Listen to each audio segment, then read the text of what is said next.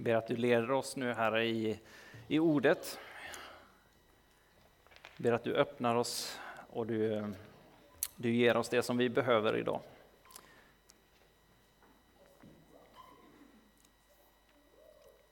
Amen. Tack så mycket. Gott att få tillbe tillsammans. Idag är temat eh, som sagt Herren är min herde. Och för många av er så, så klingar det väldigt bekant. Ni vet att det finns en eh, väldigt känd psalm från Saltaren som, som har den titeln som David har, har skrivit, psalm 23.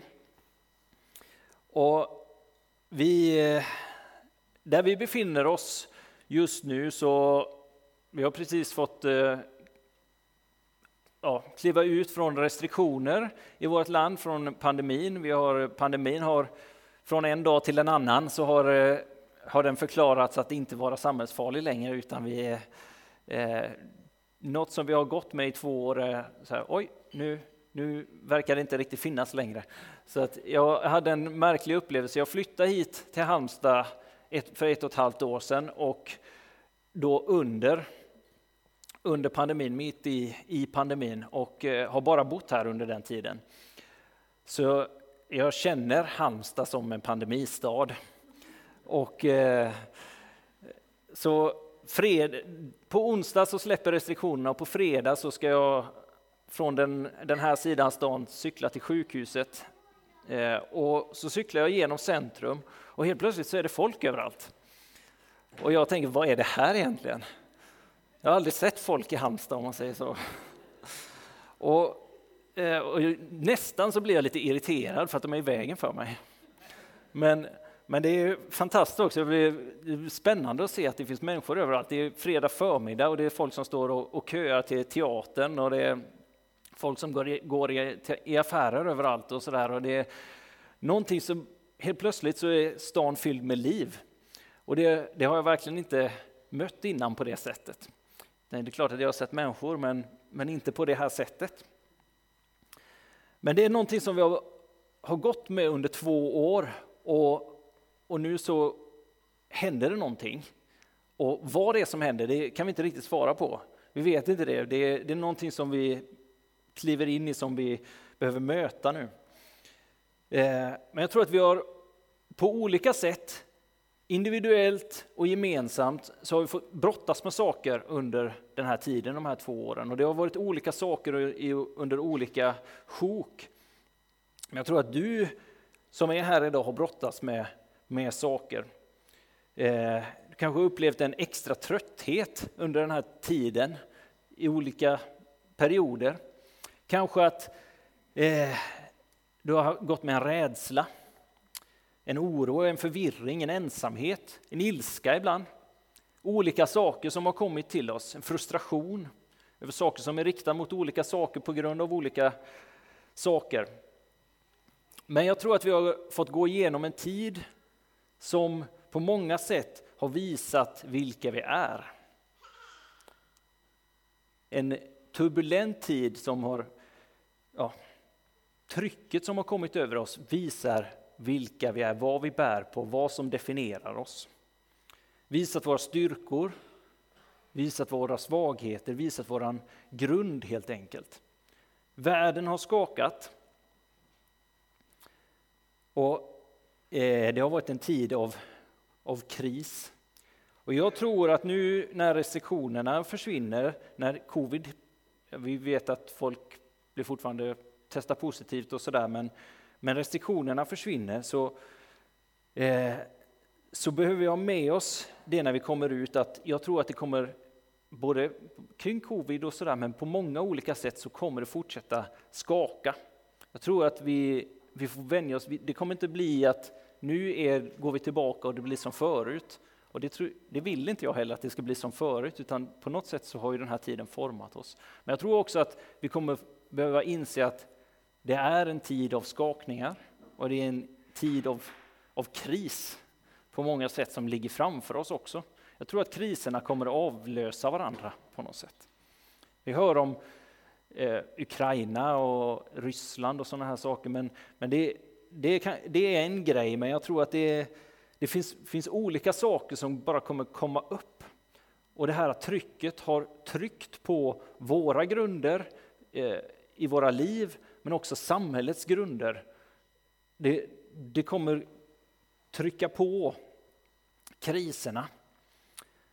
Mitt i kaoset i elden så uppenbaras guldet i oss. Vad som är värt någonting, vad som är ja, det som håller. Men också sprickorna. Sprickorna i, i våra liv, det här som det här, det här har inte hållit att bygga mitt liv på. Det här är, det här är något som faller när, när ja, krisen kommer, när det är tufft i livet, när, när det är så, så, sådana perioder kan det väl gå, gått igenom tidigare, men den här säsongen i världen har visat det för oss gemensamt och individuellt.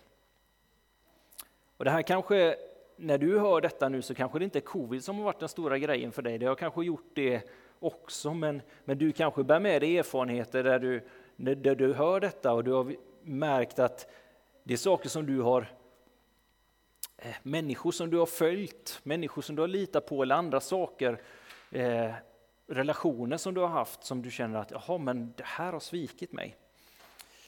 Eh, och jag tror att vi ska nu läsa psalm 23. Och så ska vi gå vidare härifrån. Jag tror att det på något sätt målar upp vad är det som vi fäster vår blick på i livet? Vad är det som faktiskt vi står på? Vad är grunden? Och titeln på den här salmen i, i min bibel är Den gode heden. Det är en psalm av David. Och han skriver här om, om att Herren är min herde. Förbundsnamnet, namnet, Javé Rohi. Och så står det så här då. Herren är min herde, mig ska inget fattas. Han låter mig vila på gröna ängar. Han för mig till vatten där jag finner ro. Han ger liv åt min själ. Han leder mig på rätta vägar för sitt namns skull. Även om jag vandrar i dödsskuggans dal fruktar jag inget ont, för du är med mig. Din käpp och stav, de tröstar mig. Du dukar för mig ett bord i mina fienders åsyn. Du smörjer mitt huvud med olja och låter min bägare flöda över.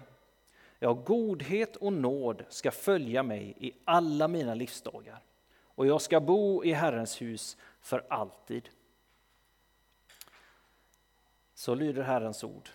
Gud, vi tackar dig.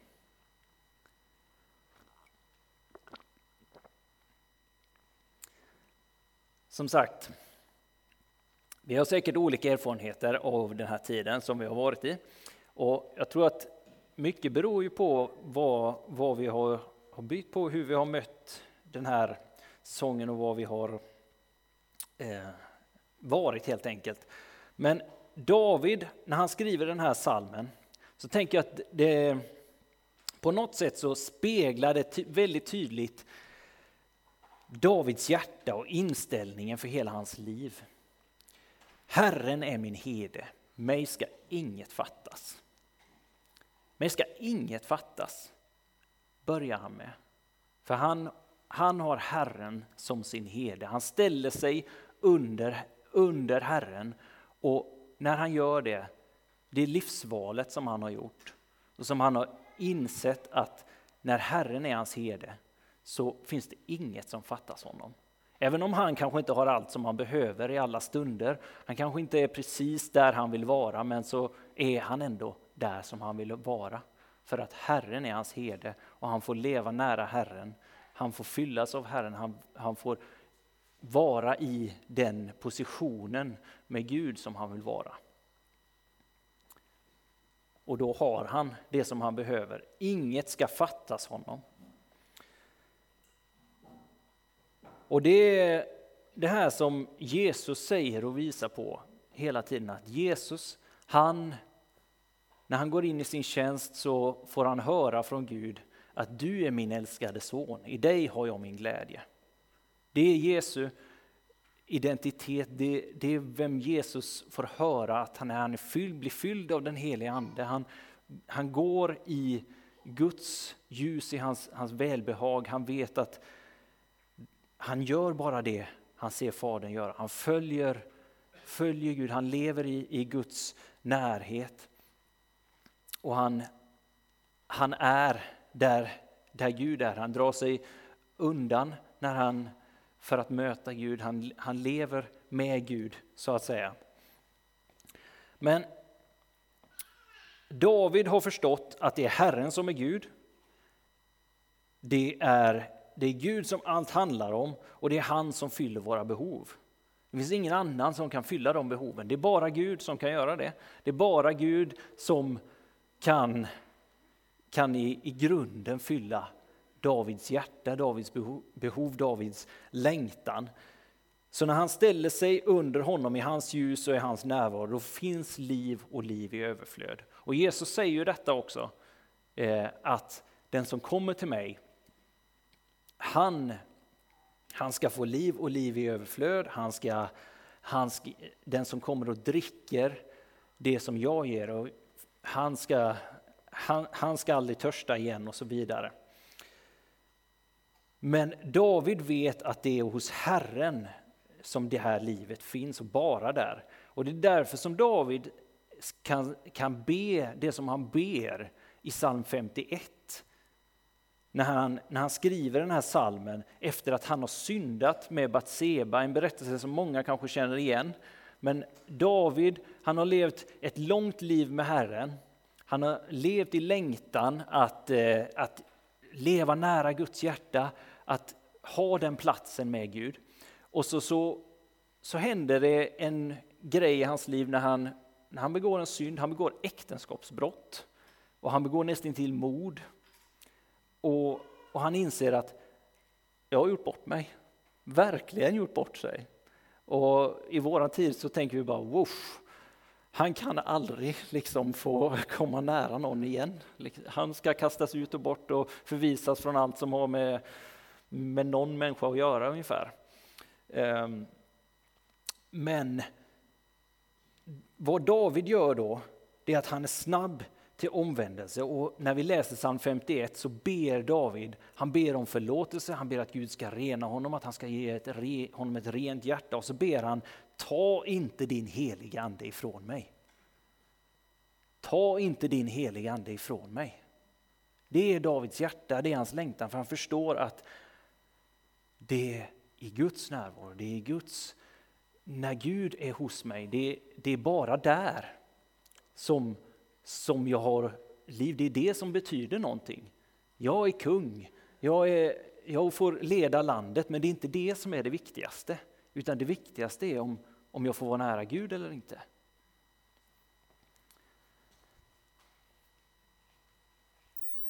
Så han är snabb till omvändelse och han har insett att det är hos Gud som han behöver vara. Sen finns det andra saker som är viktigt också. Men det där, det, om inte det finns, då spelar andra ingen roll. Och Det här inser David redan när han är fåraherde, för David han är, han är ung pojke och han är, han är herde, han vaktar fåren. Ingen vet vem han är egentligen. Han är den, den, den som blir utsatt där bland sina bröder, han blir utplacerad bland fåren i vildmarken. Han är ensam där med fåren. Och där får han lära sig, här är jag med Gud. Och, jag kan, och på något sätt så är Davids hjärta, här kan jag stanna eh, hela mitt liv om jag får vara med Gud. Och det är det som han vill. Guds hjärta för David. Och på Jesu tid så är det så fåraheden, det, det var, inget, var inget ansett yrke, det var inget eh, det var, fanns sex olika yrken som var, de här är orena, de här är liksom de som förkastade. Och hedarna var en av dem. Det var bottenskrapet helt enkelt. Och där, där var David. Men där var han med Gud, där lärde han känna Gud. Han fick lära sig att eh, vara med Gud, lära sig ta hand om fåren, valla fåren, ge sitt liv för fåren som Jesus sa i den här texten som vi läste inledningsvis. Heden ger sitt liv för fåren. Och David fick lära sig det, att han fick lära sig och, att Gud är det som betyder någonting och om Gud har satt mig på den här platsen i den här tiden för att göra det här, så gör jag det med, med hjärtat som, som Gud har gett mig. Och det är på den här platsen som Gud kallar David till kung, han smörjer honom till kung. Och Davids reaktion är inte då att Jaha, men då lämnar jag mina får och då går jag där som, till den platsen där kungarna finns. Utan när David blir smord till kung så går han tillbaka till fåren. David går tillbaka till fåren och han fortsätter tjäna och han gör det med hjärtat som en kung. Han har kallelsen till kung men det var en lång tid innan det faktiskt blev, han blev kung. Davids reaktion är att lita på Gud, att om det är din tanke att jag ska bli kung så är det inte jag som ska sätta mig där, utan du får placera mig där.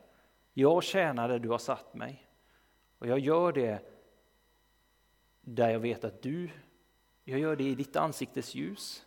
Jag gör det för att du ser mig, inte för att människor ser mig.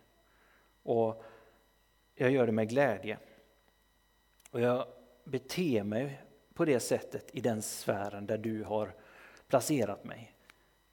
Med Guds, efter Guds hjärta. Det är inte när jag blir kung som jag ska börja bete mig som en kung. Och så följer man Davids historia så, så får man se att han lyfter fram David på olika sätt genom olika säsonger. Där han blir herde för fler och fler om man får säga så. Han, han får nya, nya mandat, nya, ehm, eh, ja, ny auktoritet. Och hela tiden är, Gud, är det Gud och hans närvaro som det handlar om. Det är Gud och Guds väg som är det viktiga för David. Gud och Guds timing. Att det, det är Gud som, som måste leda. Det är Guds hjärta som är det viktiga. För han är den gode heden. Om, som, som det står här, mig ska inget fattas. Han låter mig vila på gröna ängar. Han för mig till vatten där jag finner ro. Han ger liv åt min själ och han leder mig på rätta vägar för sitt namns skull. Det fanns många tillfällen i Davids liv där han skulle kunna tagit en genväg för att komma längre på sin om man säger karriär. Han skulle kunna tagit snabba steg. Men David valde att inte göra det. Saul var kung i Israel på den här tiden. Och David fick möjlighet att tjäna honom. Saul började David fick favör och Saul började hata David för att han såg att Guds hand var över honom. Och David fick fly. Men sen var det tillfällen när David han hade möjlighet att ta Sauls liv, att döda Saul. Och Davids, eh, Davids efterföljare, Davids eh, soldater uppmanade David och sa nu, nu har Gud gett dig dörren till kungariket. Nu har Gud, det här är Guds tid. Det här är tillfället när du ska bli kung. Ta och döda Saul. Men David säger hela tiden, det här är inte Guds tid. Det här är inte Guds sätt. Det här är inte, eh, det, det, det här är inte gudomliga vägen att komma till tronen. Det här är inte som Gud har tänkt sig. Så David backar och visar på att jag vill inte dig något ont Saul. Jag vill inte ta ditt liv. Jag vill hedra eh, den du är och den, att Gud har satt dig på tronen. Jag vill, jag vill gå den vägen som Gud leder och jag vill låta honom och hans vilja ske. Jag springer inte före Gud och jag springer inte efter honom heller. Jag vill gå i hans takt och låta honom leda, låta honom göra det som han vill göra och samarbeta med det.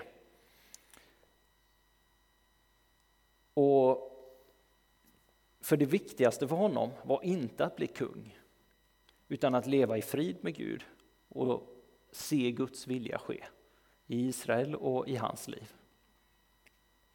Och det här kan vi ju känna igen i Jesu liv såklart, för Jesus levde det perfekta livet. Eh, till exempel i Johannes 6 och vers 15, Jesus han har, han har eh, mättat 5000 man och de ser att wow, här är kungen som har lovats, här är den nya David som ska komma till oss. Och folket blir exalterade och tänker nu, nu är tiden när romarna ska kastas ut. Och Jesus märker det här, han märker hur de blir taggade och peppade. Och så säger han, så, så förstår, står det att Jesus förstår att de tänker göra honom till kung med våld. Och Jesus för, han, han drar sig undan. För han ser att nej, men det är inte så här. Jesus har kommit för att han ska bli kung. Men det är inte på det här sättet. Jesu väg är genom, genom korset, genom lidandets väg, genom att dö för andra. Men här kommer ett gäng som, som såg och kände igen att oj, han är kanske Messias, han är nog Messias. Och, men men det, var in, det var en genväg, det var inte den vägen som var tänkt. Och även frestelsen i öknen, Lukas 4 bland annat, när Satan känner igen att Jesus, han vet ju vem Jesus är, han vet vad han har kommit för att göra. Och han frestar honom och säger att jag har alla rikena, alla nationerna på jorden och deras härlighet. Jag ger dem till dig, nu på en gång, innan du ens har börjat din tjänst. Innan du behöver göra allt det här som du behöver göra. Bara du böjer dig för mig. Bara du gör den här lilla grejen att tillbe mig. Det är ju samma mål. Men bara gör den här lilla grejen. Och Jesus säger att Gud och endast Gud ska du tillbe. Så Jesus tar inte den genvägen. Precis som David inte tog genvägarna. Och här tänker jag, vad har Gud talat om till ditt liv? Vad har Gud, vad har Gud kallat dig till? Vad är det han har, eh, vi vet vi har löften i Bibeln vad han, har, vad han har talat om att vi ska vara. Och sen finns det saker som Gud har talat om över dig och över ditt liv, vad han har kallat dig till. Vi vet att vi är kallade att vara en del av Guds församling. Vi vet att vi är kallade att stå i gemenskap, att vi är kallade att, eh, till Jesus, att leva nära honom i hans gemenskap. Men hela tiden eh, och att vara hans ljus i världen. Det finns, finns många saker vi kan räkna upp, men, men vad är det som, som ligger på ditt hjärta och, och som utmanas av genvägar? Av falska vägar, av, Eh, och som kanske under den här tiden, under den här säsongen av covid har, har också uppenbarats att eh, här har vi tagit en genväg som vi behöver komma tillbaka till Jesus med och be om förlåtelse.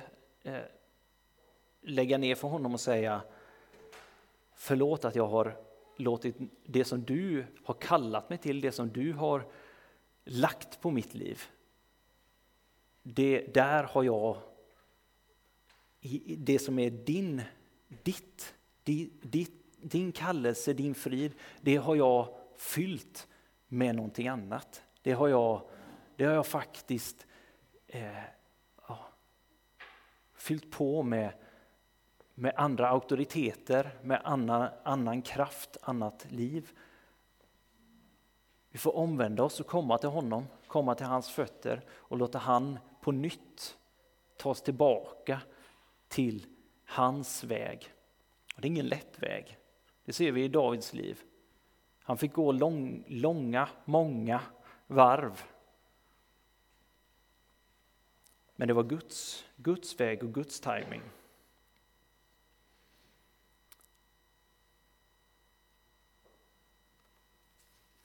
Och jag tänker att det finns, finns två sidor av det här myntet att, eh, som Jesus säger till oss att välja den smala vägen, den trånga porten.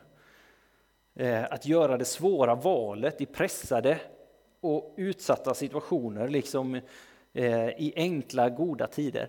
Det, jag vet inte, många av er kanske känner igen det här bandet som man hade mycket som det stod eh, WWJD på, What would Jesus do?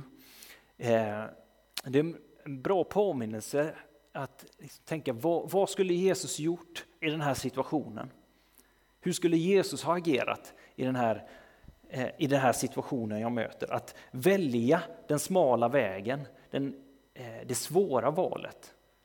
Det behöver inte vara det är inte svårt i, i Jesu kraft, men att, att faktiskt göra valet, det, det gudomliga valet, som vi bara kan göra i den heliga Andes kraft. Som vi, vi inte förmår i oss själva, utan bara i att Jesus ger oss sin nåd, sin kraft, sin, sin kapacitet att gå den vägen. Att gå genom den trånga porten, genom den smala vägen. Men det är i pressade och utsatta situationer som jag tror vi, vi kanske utmanas där att oj, nu, nu var det svårt att göra det valet. Men även när tiderna är enkla och vi bara lever på, vi märker att oj, nu har jag gått igenom en massa situationer och jag har inte tänkt på huruvida jag gjorde ett val eller inte gjorde ett val. Det det tänker jag är, är ena sidan av, av det här. Andra sidan är att i psalm 23 så talar David om att Herren är min gode herde. Han, när vi bjuder in honom i våra liv, när han fyller oss, så behöver vi, får vi vila också i att han leder mig på rätta vägar för sitt namns skull. Han, när han är min Herre, när jag ställer mig under honom, så får jag också lita på att jag behöver inte prestera, utan han, han för sitt namns skull, inte för min härlighets skull, utan för hans äras skull, så leder han mig rätt. Och det får vi också tro på, för det är hans löfte. Och de här som kan verka som paradoxer, men som vi får hålla i, i balans till varandra. Och där Jesus säger, utan mig kan ni ingenting göra. Så det jag tänker egentligen är att vi får, får se på David, vi får se på hans liv, se hur han, han fick mer och mer förtroende utav Gud. Han, han lyftes fram och till slut så stod han som kung över hela kungariket. Men även när han stod där, och som vi var inne på, när han, när han hade syndat och, och bad den här bönen, ta inte din heliga ande ifrån mig, så var det det som det handlade om. Det var inte huruvida han skulle få fortsätta att vara kung eller inte. Det var inte eh, hans många fruar som han hade och så vidare. Det var inte, det var inte prakten, utan det var får jag fortsätta att bo i, i ditt hus, Herre, som salmen avslutas med. Ja, godhet och nåd ska följa mig alla mina livsdagar och jag ska bo i Herrens hus för alltid. Längtan att få vara i Guds närvaro, i hans, hans boning. Att det är där blicken är. Vi ser i Davids liv hur han vid, vid ett tillfälle när hans son gör uppror så, så väljer David att, att lämna staden, att gå därifrån. Det är inte kungadömet som på det sättet han älskar Israel, han älskar landet, men det är inte att han själv är kung som är det viktiga för honom. Så jag tror att när vi har fått gå igenom mycket, när vi har fått eh, uppleva och brottas med mycket under den här tiden, så får vi komma till Herren och eh, be honom om att han får både hela oss, som den gode heden gör när han, eh, när han smörjer vårt huvud med olja. Men också att, han får, eh, att vi får omvända oss till honom på de områden vi behöver göra det.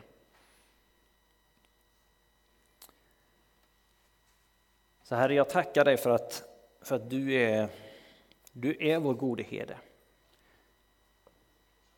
Du är den som leder oss rätt. Och jag ber Herre om, eh, om nåden att lita på dig. Att lita på att det som du har talat över våra liv, det som du har lagt ner i oss, det som du har kallat oss till, det ska vi lita på också att du för oss dit i din timing. Vi får, vi får våga gå, vi får tro att det är din väg Herre, men, eh, men vi ska inte ta genvägar dit. Vi får ställa oss under dig och gå, gå den vägen du kallar oss att gå. Även om den kanske är lång ibland, svår. Så tackar vi dig för att du formar oss. Du fyller oss, du styrker oss, du dukar för oss ett bord i våra fienders åsyn. För du har lovat att inget ska fattas oss. Och du ger oss allt vi behöver. Vi ärar dig och prisar dig. Tack Jesus. Vi ska få ta och vara en stund i lovsång igen och eh, det finns möjlighet till förbön.